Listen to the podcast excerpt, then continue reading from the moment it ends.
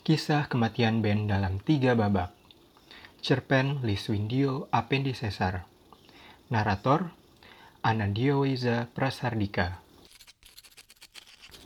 Babak 1. Catatan harian.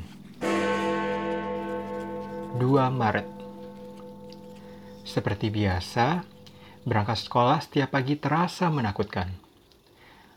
Aku tidak tahu kenapa dadaku selalu cemas dan kepalaku membayangkan begitu banyak kesalahan yang akan aku lakukan di sekolah, yang berakhir dimarahi oleh guru-guru.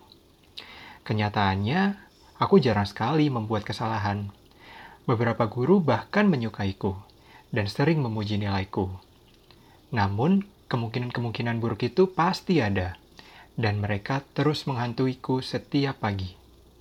Aku benci melihat terang matahari pagi seandainya malam bisa lebih panjang, atau bahkan tak pernah berakhir. 3 Maret Hari ini kami berpapasan lagi, dan dia menyapaku lebih dulu. Perasaan takut, senang, gugup, bercampur membuatku salah tingkah. Padahal kami sudah berteman cukup akrab selama setahun.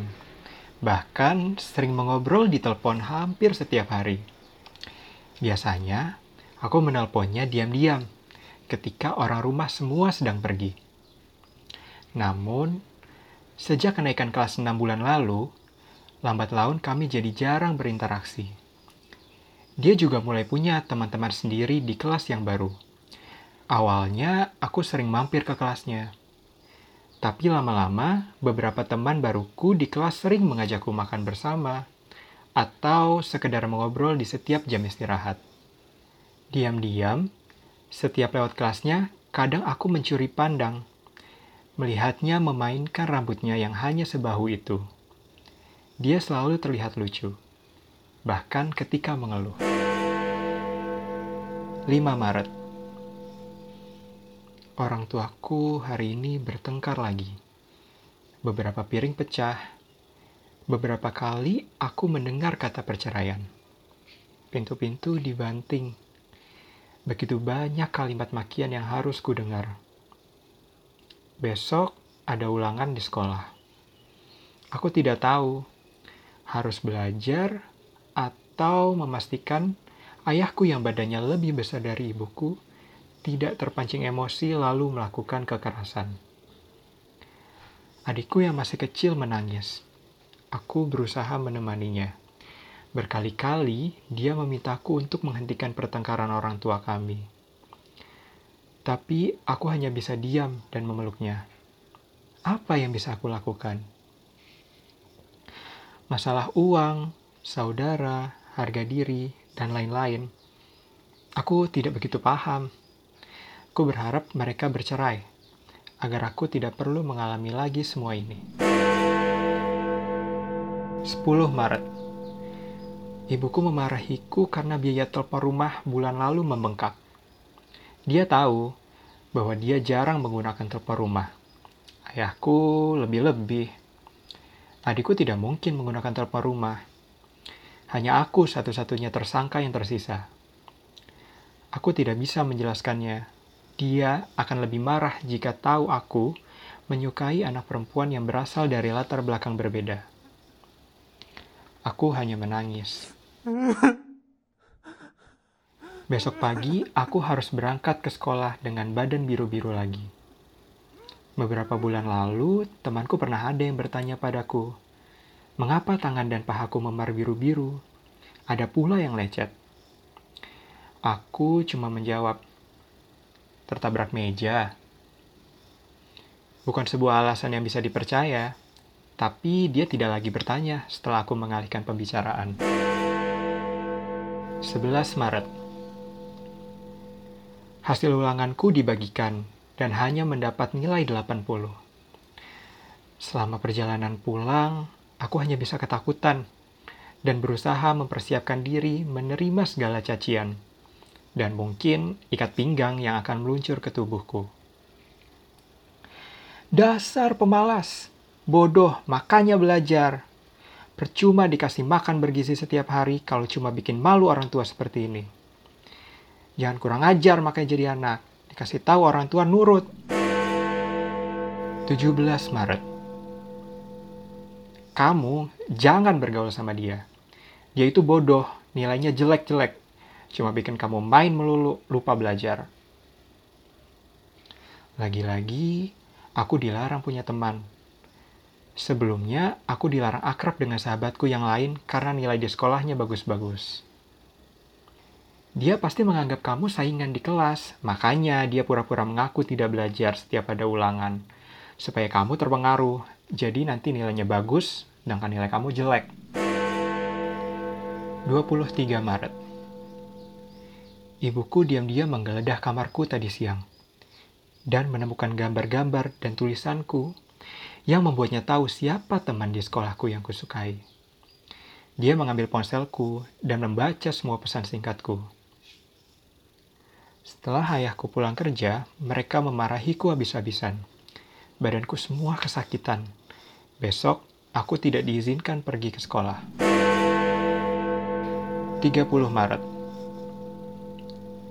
Temanku bertanya, aku sakit apa beberapa hari lalu sampai tidak masuk sekolah? Agak demam dan flu, jawabku. Hari-hari di sekolah berlalu seperti biasa. Aku masih tertawa dan bercanda bersama teman-temanku tadi. Babak 2. Berita media. 2 April. Jasad seorang anak SMP berusia 14 tahun ditemukan tewas bunuh diri di kamarnya. Menurut laporan, jasad ditemukan oleh adiknya sekitar pukul 17 pada tanggal 1 April.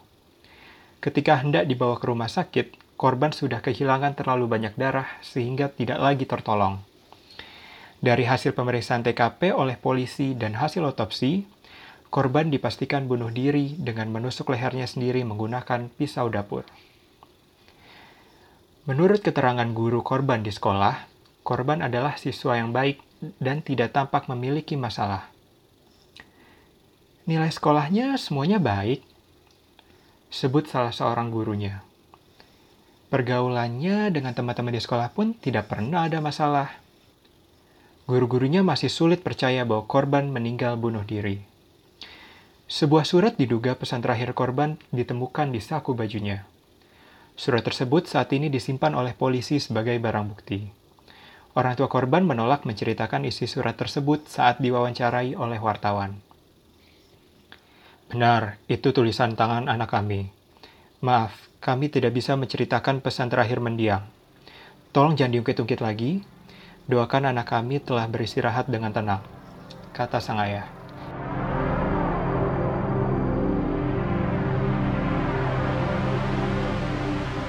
Lima April Telah tutup usia Ananda Ben pada usia 14 tahun.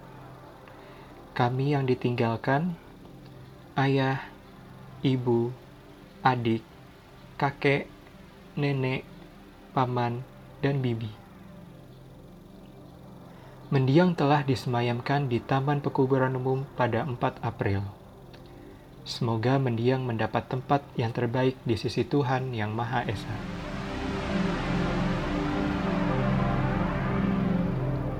Babak 3 Ex Nihilo Tangan kanan Ben tiba-tiba memegang sebuah buku. Dia tidak ingat sejak kapan atau kenapa buku tersebut ada di genggamannya. Dia juga tidak ingat sejak kapan dia duduk di ruang baca di dalam rumahnya itu. Sudah lama sekali dia tidak membaca di sana. Buku itu cukup tebal, sampulnya didesain seperti sebuah buku dongeng. Dan berisi tentang seorang anak laki-laki yang memiliki nama yang sama seperti Ben. Ben tidak ingat pernah melihat buku itu sebelumnya. Tubuhnya gemetar oleh rasa penasaran membaca kisah seorang Ben yang lain. Satu demi satu halaman dibacanya. Dengan emosi yang hanyut, seolah dia menjadi tokoh Ben dalam buku itu. Ben yang lahir dalam keluarga yang penuh dengan teriakan-teriakan, yang setiap hari selalu menangis dan memohon ampun. Yang selalu bermimpi buruk bahwa dunia sengaja berkonspirasi untuk menyiksanya. Sewaktu bersekolah di taman kanak-kanak, Ben di dalam buku pernah tidak menghabiskan bekal makannya yang dibawa dari rumah. Sesampainya di rumah, wajahnya dipukuli dan sisa bekal makanannya dilempar ke wajahnya. Saat di sekolah dasar, ayahnya melempar botol minum berisi penuh air kepadanya dan mengenai kakinya, menyebabkan Ben harus berjalan pincang selama tiga hari. Setiap memukulinya, ibunya sengaja memakai cincin di jari lebih dulu, agar logam tersebut membuat tubuh Ben benar-benar memar. Di lain waktu, ibunya juga memarahi Ben sampai menyuruhnya keluar rumah dalam keadaan telanjang. Lama-lama, Ben tidak sanggup lagi membaca kisah hidup Ben yang lain dalam buku itu. Terlalu menyedihkan, lirihnya. Matanya tak bisa menahan tangis dan dadanya pun terasa sakit. Seolah dia turut merasakan semua pengalaman Ben yang tertulis di buku tersebut. Berkali-kali dia ingin berhenti dan menutup buku itu. Tapi berkali-kali pula buku itu berbicara melalui isi kepala Ben dan mendesaknya untuk melanjutkan. Ben tak kuasa menolaknya. Seolah ada gaya yang sangat kuat mengendalikannya. Semakin dia membaca buku itu, semakin dia merasa tidak asing. Dia bahkan mulai bisa menebak isi cerita di halaman-halaman berikutnya. Imaji-imaji yang bermunculan di kepalanya turut semakin jelas. Dia kenal dengan semua tokoh di buku itu. Dia kenal dengan cerita di sana. Ben yakin ini pertama kalinya dia melihat dan membaca buku tersebut. Tidak mungkin aku salah, katanya. Tapi dejavu yang dia rasakan terlalu kuat dan nyata. Ben semakin tidak sanggup untuk terus menyaksikan penderitaan Ben yang lain dalam buku itu. Aku mohon, berhentilah, berhenti. Sudah cukup, jangan diteruskan. Namun, buku itu tak membiarkannya berhenti di tengah jalan. Ben terus membaca dan menangis.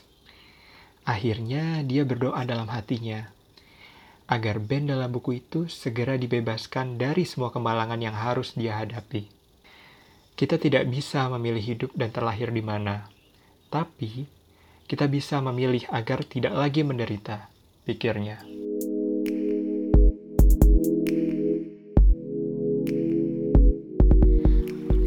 Kematian tidak selalu gelap, dan menyerah bukan berarti putus asa.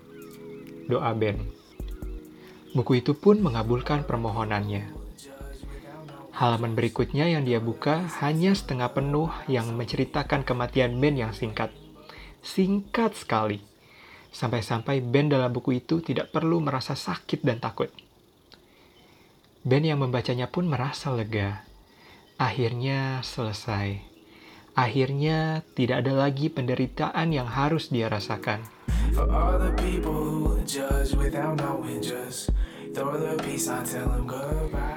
Kali ini air matanya adalah air mata kedamaian. Akhirnya Ben di dalam buku itu terbebas. Ini yang terbaik, pikirnya. Kakak, ayo turun, kita makan. Adiknya memanggil. Ben terkejut.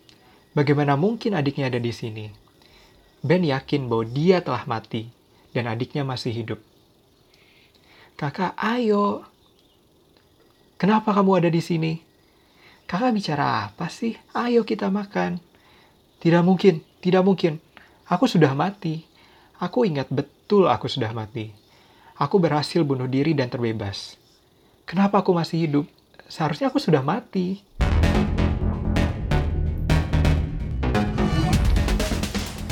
Buku di tangan Ben terjatuh ke lantai.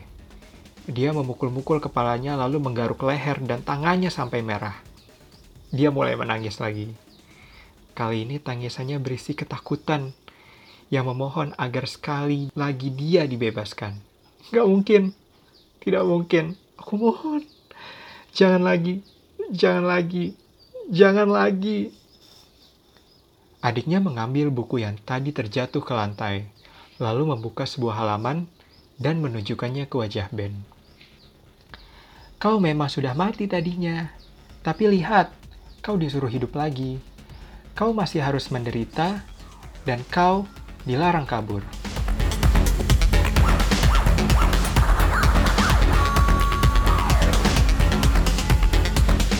Sastra suara ini hasil kerjasama divalitera.org dan Tokopedia.